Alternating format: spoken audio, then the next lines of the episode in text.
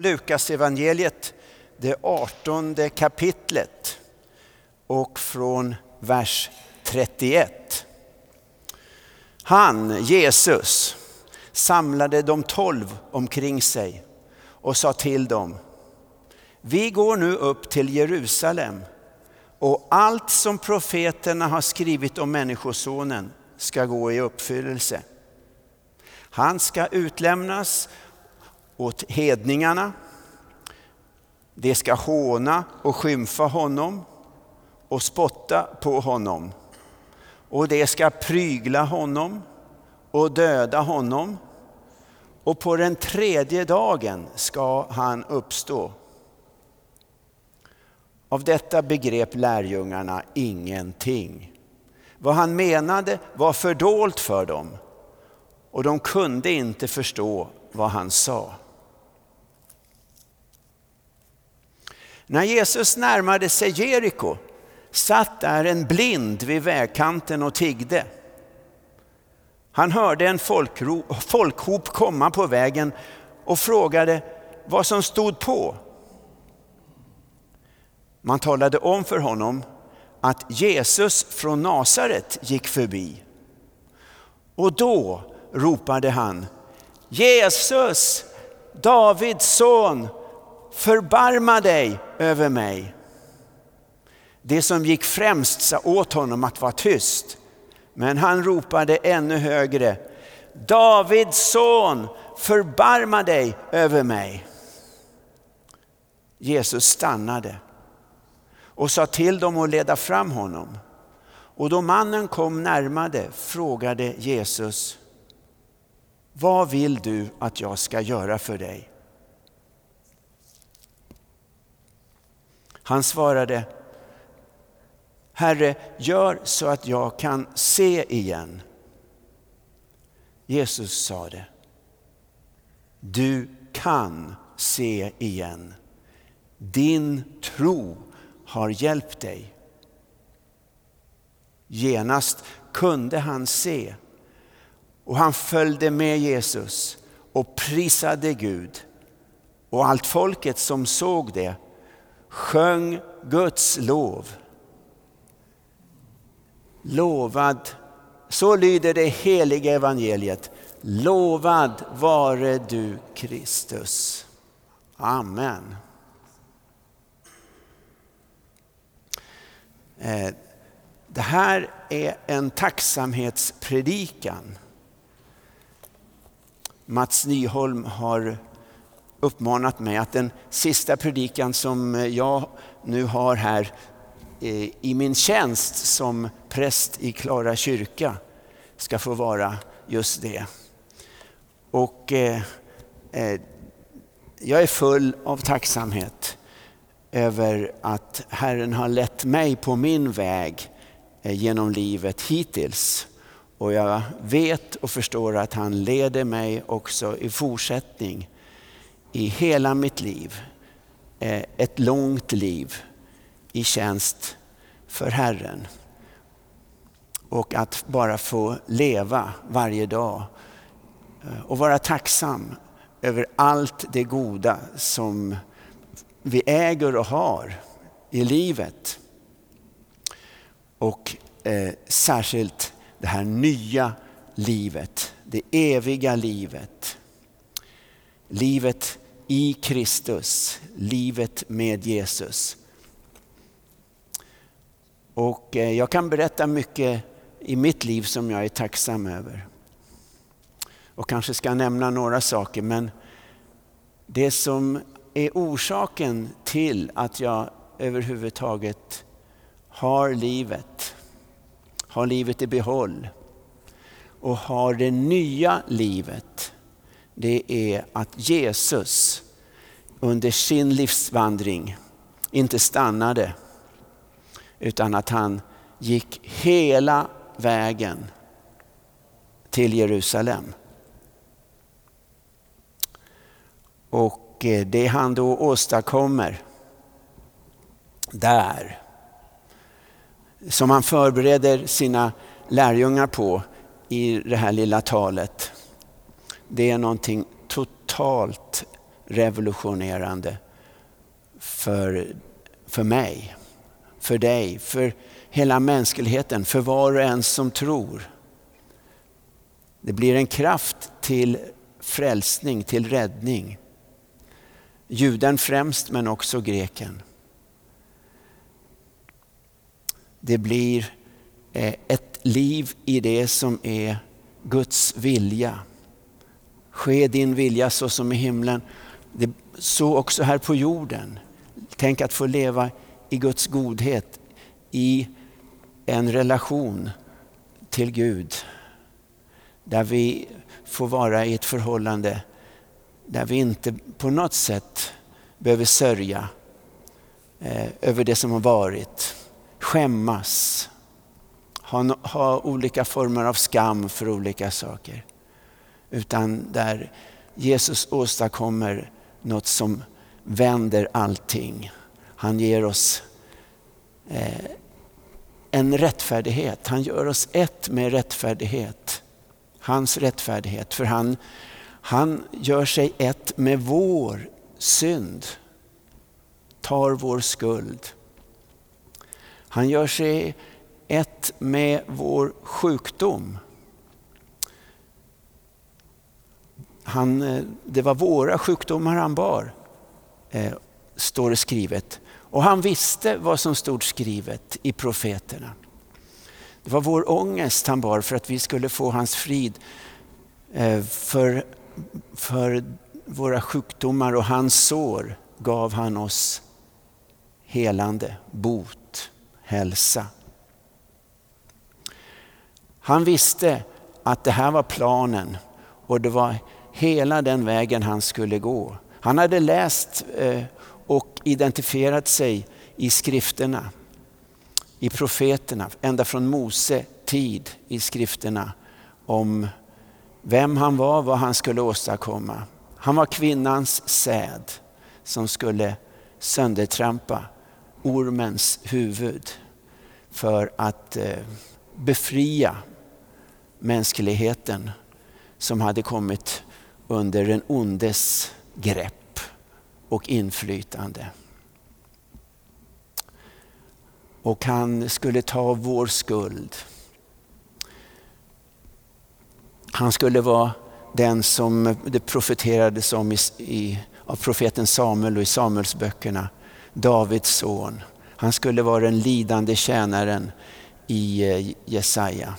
Han skulle vara den som det står om i Sakarja eh, som eh, eh, människorna hade stungit men som kommer tillbaka och som folk ska se upp till när han igen i framtiden inte bara kommer som en lidande Messias utan den triumferande Messias, befriaren som hämtar hem sitt folk och vi får komma med honom och eh, han sätter sina fötter snart när eh, hedningarnas tid är slut eh, och Jerusalem inte ska vara under eh, hedna folkens eh, styre.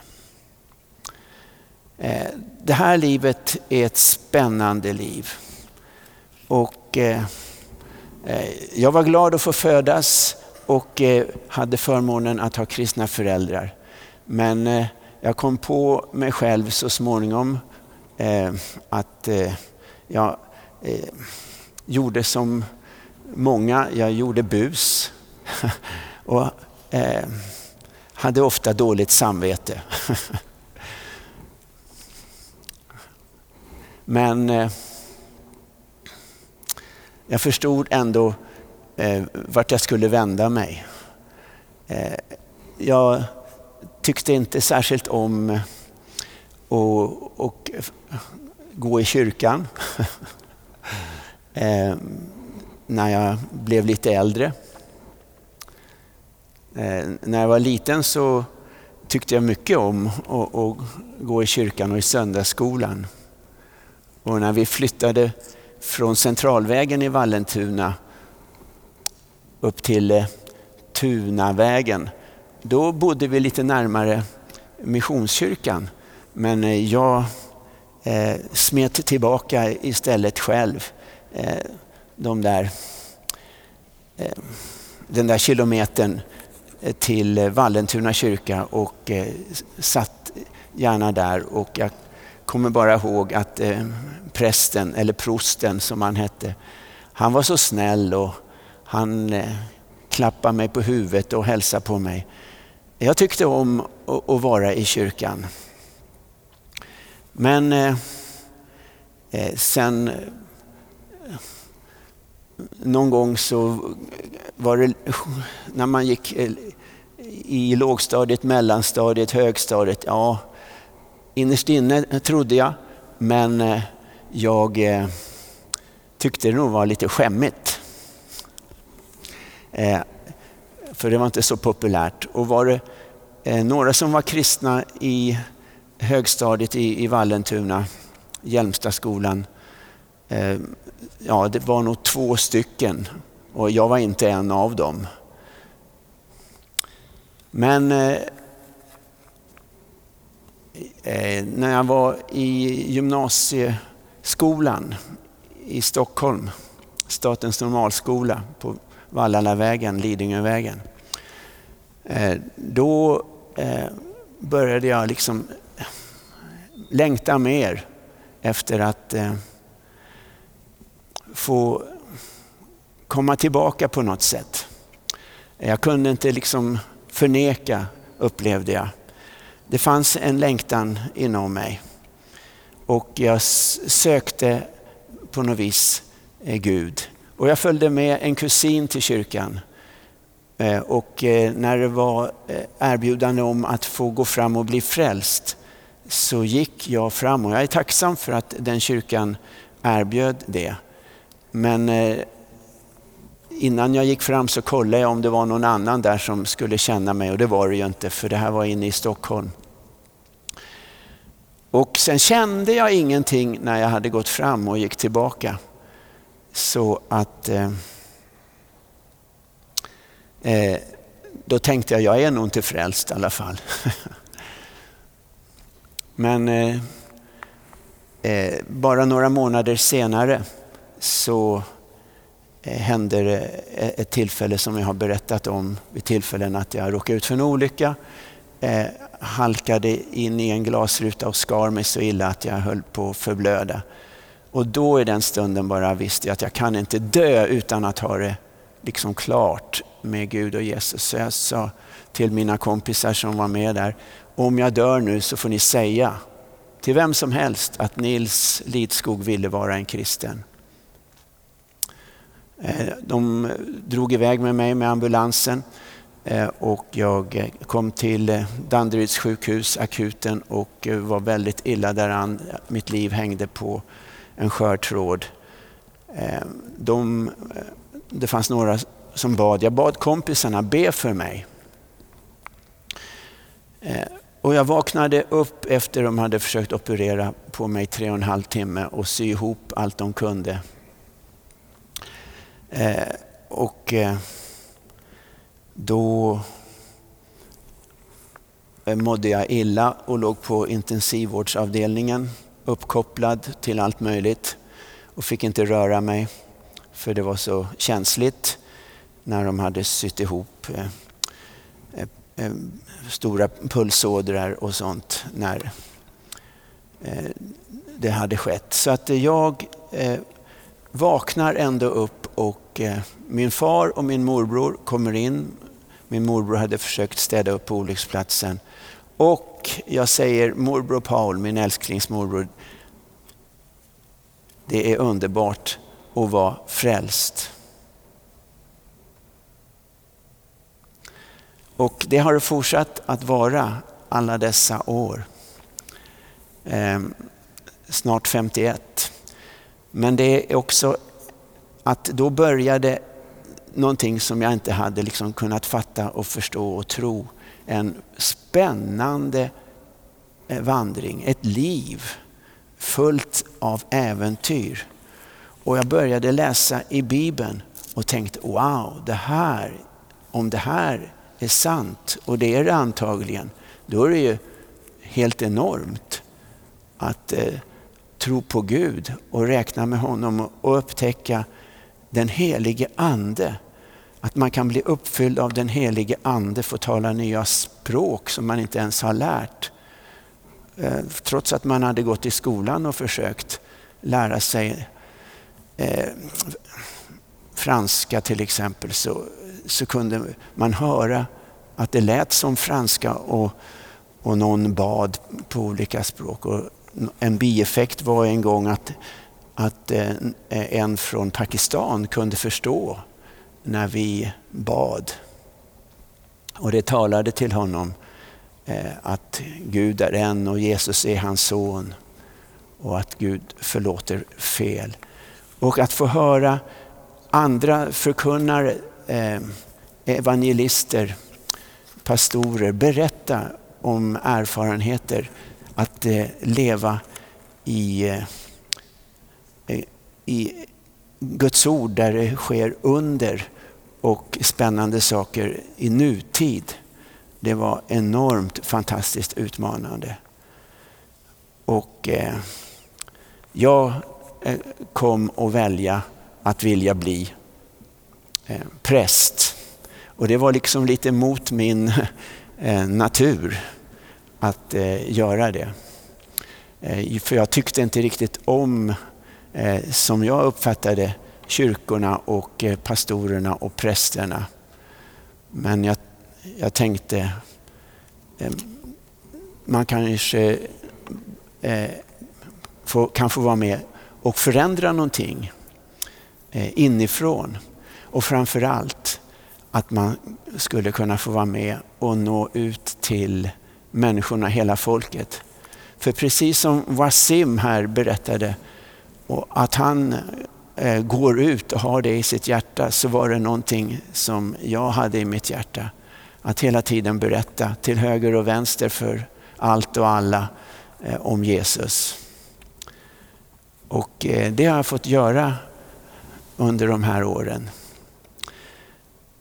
Och särskilt glad blev jag också för 19 år sedan när jag fick en förfrågan om jag skulle söka tjänst här i Klara kyrka. Och eh, trots att det satt långt inne eh, med ekonomi och allting för Stockholms domkyrkoförsamling och Sankta Klara kyrkas vänner så blev det av. Och eh, jag är så tacksam och glad att jag fått vara med och tjäna här och möta så många människor. Eh, då, 2002, så kan man säga att det var en eh, ja, halvtom kyrka kan man säga om man säger lite pessimistiskt. Men vi, vi såg det som en halvfull kyrka. Men eh, det växte. Eh, det kom fler och fler folk. Och eh, det var sen under åren allt som oftast helfull kyrka. Och att få välkomna kanske många av er som eh, troget tittar på eh, Klara kyrkas eh, sändningar här. Eh, som kom från olika håll, kom på besök, titta in i kyrkan. Eh, kanske kände er välkomna på något sätt och såg och förstod det den här kyrkan fick vara med och göra på den här platsen mitt i Stockholms centrum. Det var så underbart att få träffa eh, så många av er jag fick eh, ha en uppgift att introducera eh, de som var nyfikna på att kunna bli medlemmar i vår vänförening, i vår församling. Och eh, så många har kommit och fortsatt eh, att troget vara med och, se sina olika uppgifter och eh, dela inspiration, hämta inspiration.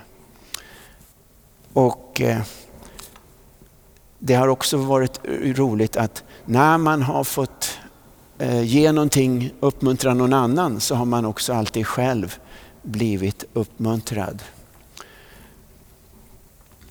Ja, det här har varit min väg och jag eh, har också i mitt liv varit så tacksam för att eh, jag har fått eh, en hustru Marianne som har stöttat mig. I, i morse lagade hon frukost och eh, borstade av bilen innan jag åkte iväg. Eh, och hon har också fått jobba med mig här som diakoniassistent under tre perioder i kyrkan. Och eh, eh familjen som vi har fått, våra, våra barn, vänner och släktingar, eh, hus och hem. Ja, allting eh, un, under vägen och eh, spännande för framtiden. Jesus, han som sagt gick hela vägen. Han fullföljde Guds plan. Och eh, lärjungarna fattade, de kunde inte förstå. Och det, det, gör man inte. Varför var det tvunget att Jesus skulle dö för? Ja, det, det, det, det var svårt för lärjungarna. Men eh, sen så fick de förståelse för eh, vad det handlar om. Eh, de skriver sen i breven allt möjligt. Eh, de här apostlarna, lärjungarna. Paulus skriver att det var en hemlighet varför Jesus skulle dö och uppstå som nu har blivit uppenbarad för honom. Efesebrevet Efesierbrevet 3 till exempel. Eh, och även eh, första Korintierbrevet 2, där står det om de här sakerna. Planen med den hemlighet som från världens början varit dold hos Gud som har skapat allt.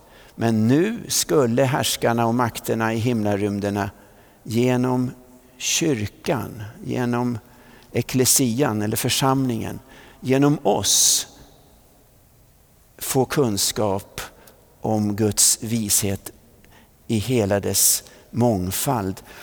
Och till den här versen 3.10 så står det i noten de onda makterna var okunniga om vad Kristi död betydde. Kyrkans framväxt klargör för dem att de är besegrade och att Gud ska återupprätta sitt herravälde. Va? Betyder Jesu död och uppståndelse detta att han gick den här vägen till Jerusalem? I eh, andra Korintierbrevet 2 eh, står det också så här då.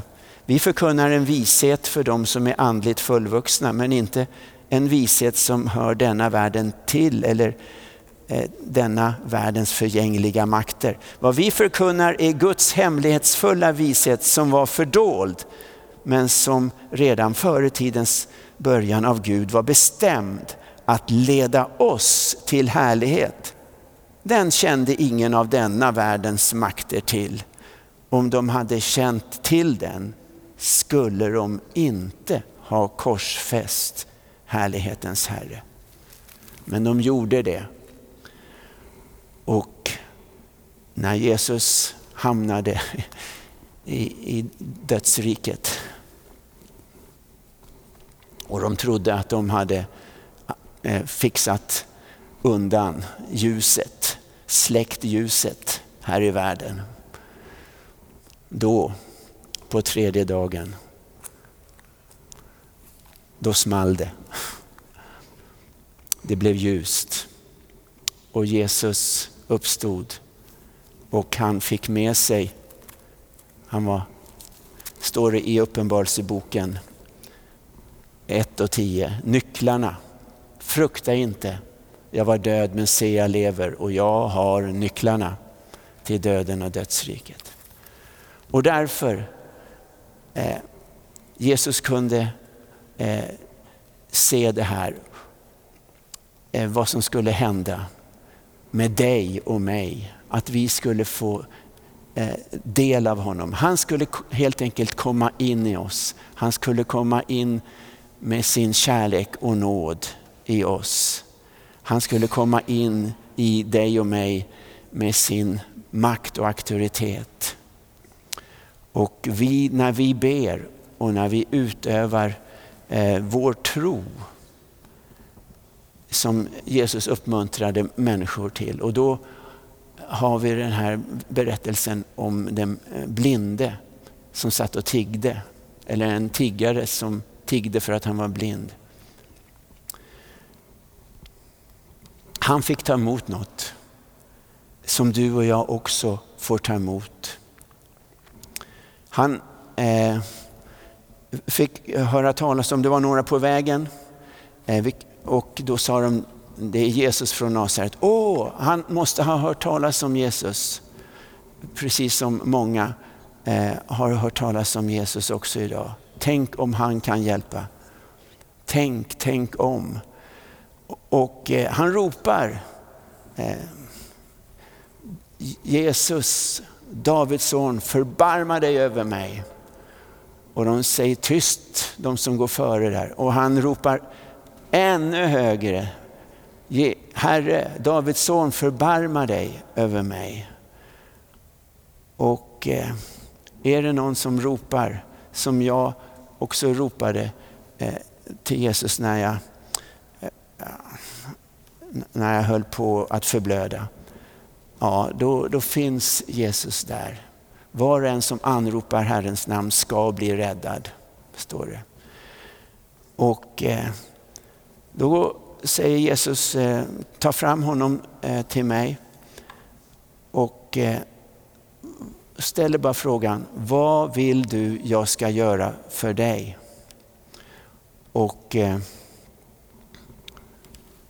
den frågan är berättigad eh, idag också. Vad vill du egentligen att Jesus ska göra för dig? Och eh, han hade förväntan och, eh,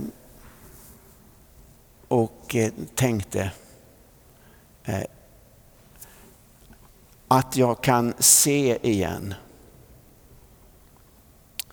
Herre, gör så att jag kan se igen. Och bara för att han uttryckte eh, det behovet, den önskan, så svarar Jesus honom, du kan se igen. Och så säger han, din tro har hjälpt dig. Vad var det som var tro hos den här mannen?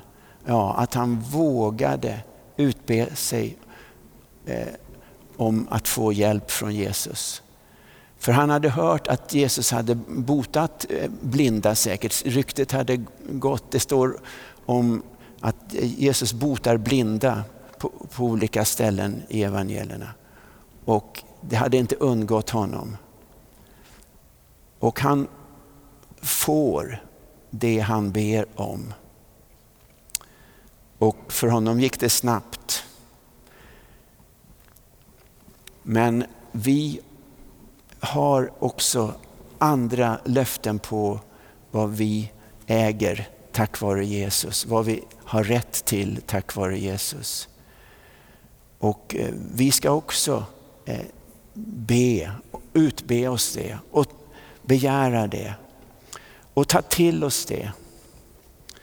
Eh, din tro har hjälpt dig. Tänk, din, vår tro, min tro hjälper mig och det har jag varit med om vid flera tillfällen i livet att jag har tagit till mig tro i olika situationer om hjälp.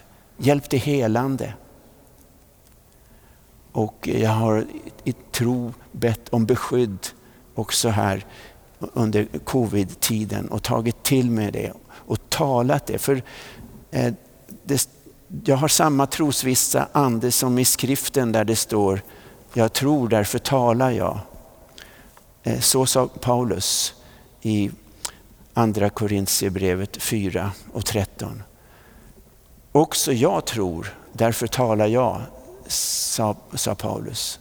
Och det gäller mig och det gäller dig. Tala tro. Det är så mycket annat som vill intala dig otro. Men intala dig, tala Guds löften, tala tro.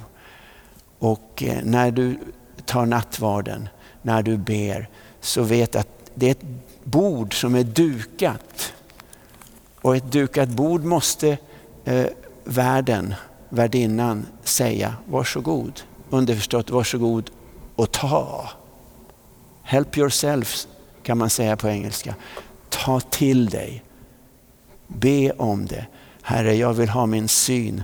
Herre, jag vill ha det eller det som jag utber mig om. Som är, är mig lovat och jag har tro på vad du har lovat och åstadkommit för mig. Och det är också i våra ovänners åsyn. Han, han låter vår bägare flöda över. Godhet allenast och nåd ska följa dig och mig i alla våra livsdagar. Ska vi be? Herre, vi tackar dig för din godhet som du har bevisat oss genom att du sände Jesus. Tack att du genom honom gav oss allt vad du i ditt hjärta eh, har för oss. Och att det gäller var och en som tror. Juden främst men också för icke-juden. Vi tackar dig att vi tack vare honom får del av kärleken, det nya livet i oss. Hjälpen i livet, i livets alla situationer. Att kunna lita på trofast hjälp. För förlåtelse, för befrielse, för helande. Och att vi får leva ett välsignat liv med Guds frid. Jag ber att alla eh, som bara har ett behov nu, behov av att eh, ta emot Jesus till, eh, till frälsning och evigt liv, att de bara gör det och tror på att, som det står skrivet, var och en som tar emot Jesus, var och en som bekänner honom har rätt till evigt liv tro med sitt hjärta, bekänna med sin mun, utbedja sig. Tack för den principen att vi får tro och tala. Tala ut och be i, i vår situation. Amen. Tack och eh, var välsignade.